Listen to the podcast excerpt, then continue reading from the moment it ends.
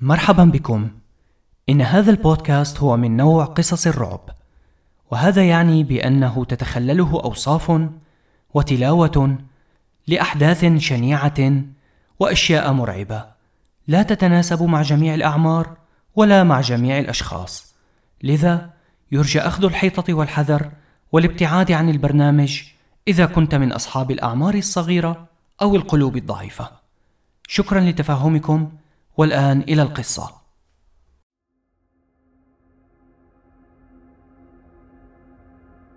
اسمي جودة رافع، وأنا طبيب. ليس فقط عملنا هو أن ندير بالا على مرضانا، بل هو واجب علينا أيضا. ولكن لكل مريض حالته، وليس هنالك مريض يشبه مريضا آخر. أذكر أنني حين كنت شابا وجديدا على مهنة الطب عملت خلال فترة من الزمن في مستشفى في بلدة صغيرة. كنا عدة أطباء نتناوب على العمل في القسم مرؤوسون من قبل طبيبة أكبر منا سنا وأكثر منا كفاءة. كان اسمها ماجدة. ماجدة تلك كانت امرأة صعبة الإرضاء حقا. كانت قاسية ولا يمكن لأي خطأ أو تقصير أن يمر من أمام عينيها مرور الكرام. حاولت جاهدا في حينها أن أثبت لها وللجميع كفاءتي وإخلاصي في عملي فأجبرت نفسي على عدد أكبر من المناوبات الليلية. ولكن هذا الأمر لم يكن مزعجا بالنسبة لي على أي حال. كنت أعيش وحدي ولم أكن أمانع من قضاء الليل في المستشفى. اعتاد المرضى في المستشفى على مناداتي بالدكتور رافع. كان يأتينا مرضى من مختلف الأجناس والأشكال والأعمار. ولكن المميز من بينهم كانت إيناس. كانت طفلة صغيرة مرحه محبوبة جدا. كانت نزيلة في المستشفى قبل أن أبدأ العمل فيه. كانت عادة ما تتجول في ممرات المستشفى وتكلم بقية المرضى في غرفهم. كنت أمشي في الممر يوما لأتم جولتي التفقدية المعتادة في إحدى مناوباتي الليلية. حين سمعت شخصين يتكلمان بصوت خفيض جدا. كان الوقت متاخرا وكان من المفترض أن جميع المرضى نائمون في غرفهم في ذلك الوقت. تبعت الصوت واكتشفت أنه آت من الغرفة رقم 12 حين أدرت مفتاح باب الغرفة ودخلت وأشعلت ضوء السقف. وجدت ايناس تتحدث مع المريض الذي كان يشغل تلك الغرفة. ظهوري المفاجئ لم يبدو أنه أخافها ولا حتى فاجأها. ايناس إن الوقت متأخر جدا. كان يجدر بك أن تكوني الآن في غرفتك وفي سريرك. ماذا تفعلين هنا؟ قالت لي آه لا شيء دكتور رافع. أتيت فقط لأقول رحمك الله لسامر.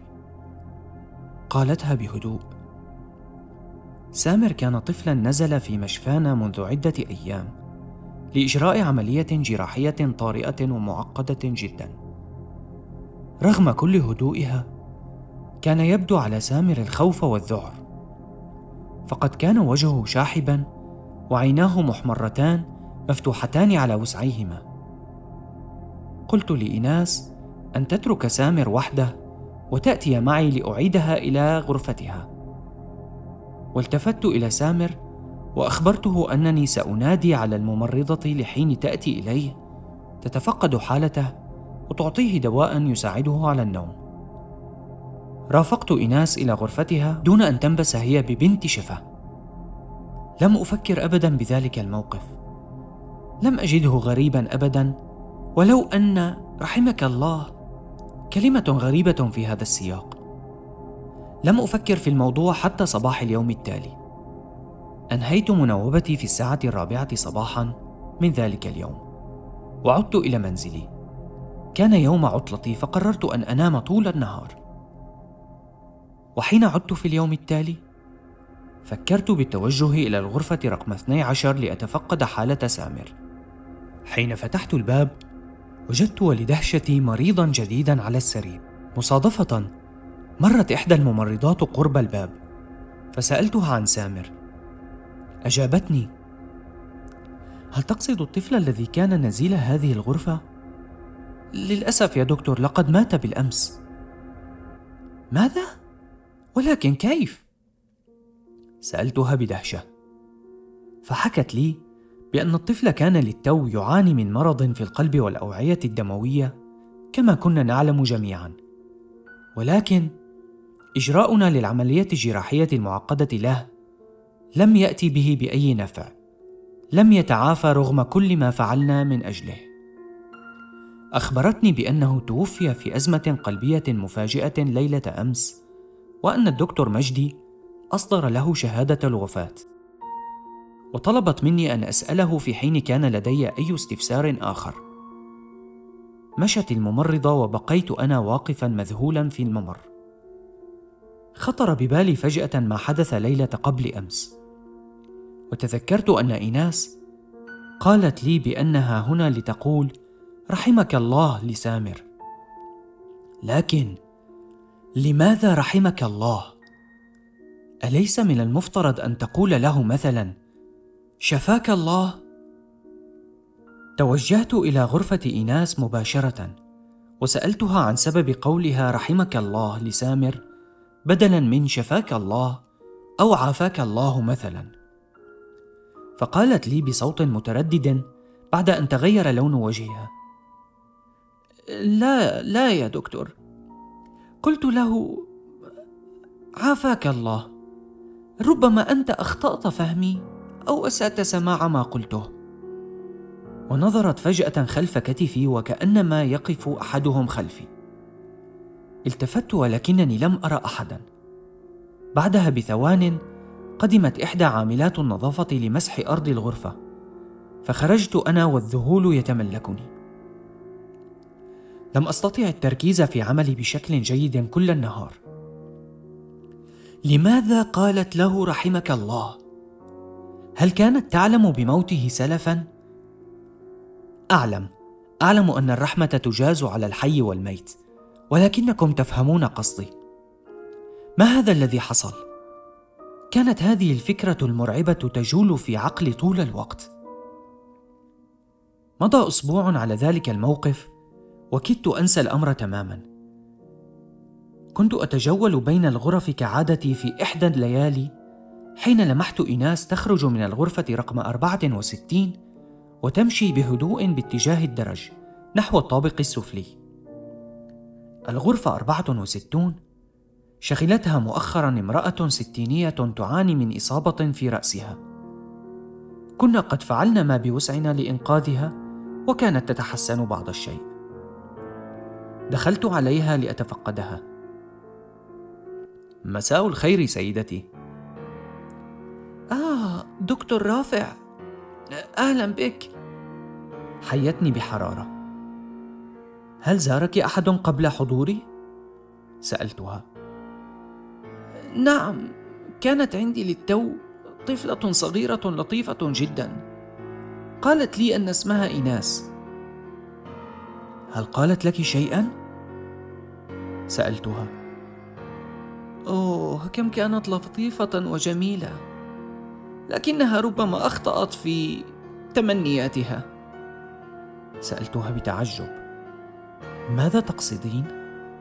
يبدو أنها كانت تود أن تتمنى لي الشفاء فقالت رحمك الله بدلا من أن تقول مثلا عافاك الله. يا إلهي عرفت أن امرا مخيفا سيحدث وفعلا توفيت السيدة في اليوم التالي من غير سابق إنذار. هل يمكن أن تكون ايناس من أصحاب القوى الخارقة؟ هل يمكن لها أن تكون على دراية بأن شخصا ما سيموت قبل موعد موته؟ احتفظت بتلك الأفكار لنفسي ولم أخبر أي أحد عنها لأنني سأغدو أضحوكة في المستشفى إذا سمع أحد ذلك. لن يصدقني أحد. وبعد حادثتين متشابهتين لم أتمالك نفسي. توجهت إلى شباك الاستعلامات في الطابق الأرضي وسألت الشابة التي تجلس هناك. كم من الوقت مضى على إقامة إيناس عندنا؟ نظرت إلي بتعجب وقالت إيناس؟ نعم إيناس. الفتاة الصغيرة المقيمة في جناح العناية المركزة تجول وتتمشى ليلا بين غرف المرضى. أظن أن هناك امرا غريبا يخص تلك الفتاة. دكتور رافع لا يوجد لدينا مريضة تدعى إيناس. ليس لدينا مريضة بهذا العمر على أي حال. هل أنت بخير دكتور رافع؟ ما هذا الهراء؟ كنت أراها أحادثها يوميا خلال الأيام الماضية. ماذا تعنين أنه لا يوجد لدينا طفلة اسمها إيناس؟ وفجأة سمعت صوتا من خلفي يناديني. دكتور جودة الحق بي إلى مكتبي رجاء. التفت خلفي لأجد الدكتورة ماجدة رئيسة قسمنا تقف عند الباب الرئيسي. لحقت بها كما طلبت وعقلي مشوش بالكامل وصلنا إلى غرفتها فالتفتت إلي وسألتني هل حقا رأيت إيناس؟ كيف حالها؟ كيف تبدو؟ أرجوك أخبرني دكتور جودة هل هي سعيدة؟ ما, ما ماذا؟ أخبرتني موظفة الاستعلامات الآن بأنه ليس لدينا نزيلة بهذا الاسم. والآن تسألينني عنها. ما هذا الذي يحدث؟ انهارت الدكتورة ماجدة فجأة ولم تعد قادرة على السيطرة على دموعها ونحيبها. بعد أن هدأت قليلا بدأت تحكي لي. إيناس هي ابنتي. قبل أن تبدأ العمل هنا جئت بها يوما إلى المستشفى واتفقت مع والدها كي يأتي لاصطحابها مساء. كانت تركض وتلعب في ردهات المستشفى في حين كنت أنا أمارس عملي. كانت تتقافز قرب درج الطابق الثالث حين زلت قدمها فجأة وسقطت عنه إلى الطابق الثاني. بسبب خطورة إصابتها أدخلناها جناح العناية المركزة هنا في هذا المشفى. ولكن للأسف. ماتت. ما هذا؟ لم أستطع تصديق ما سمعت. وكأن الأرض تحتي انشقت وابتلعتني. شعرت بقلبي يوشك على التوقف. تسمرت في مكاني غير قادر على النطق بأي حرف. مرتعب خائف حائر في أمري. يا إلهي. إيناس. ميتة؟ أجابتني حين رأت الذهول على وجهي كنت أراها تجوب ردهات المستشفى ليلا ولكنني كنت أظن أنني جننت أو بأنني أفتقدها بشدة لدرجة أن عقلي كان يخادعني لكنني سمعتك تتحدث وتسأل عنها فقلت في نفسي بأنني لم أكن أهلوس إذا هل تراها الآن؟ قبل أن تترك لي أي فرصة للرد. نهضت وأطفأت أنوار غرفة مكتبها وتركتني في ظلام دامس. قبل أن أفتح فمي لأجيبها بايه كلمة سمعت صوتا خلف كتفي يهمس لي دكتور رافع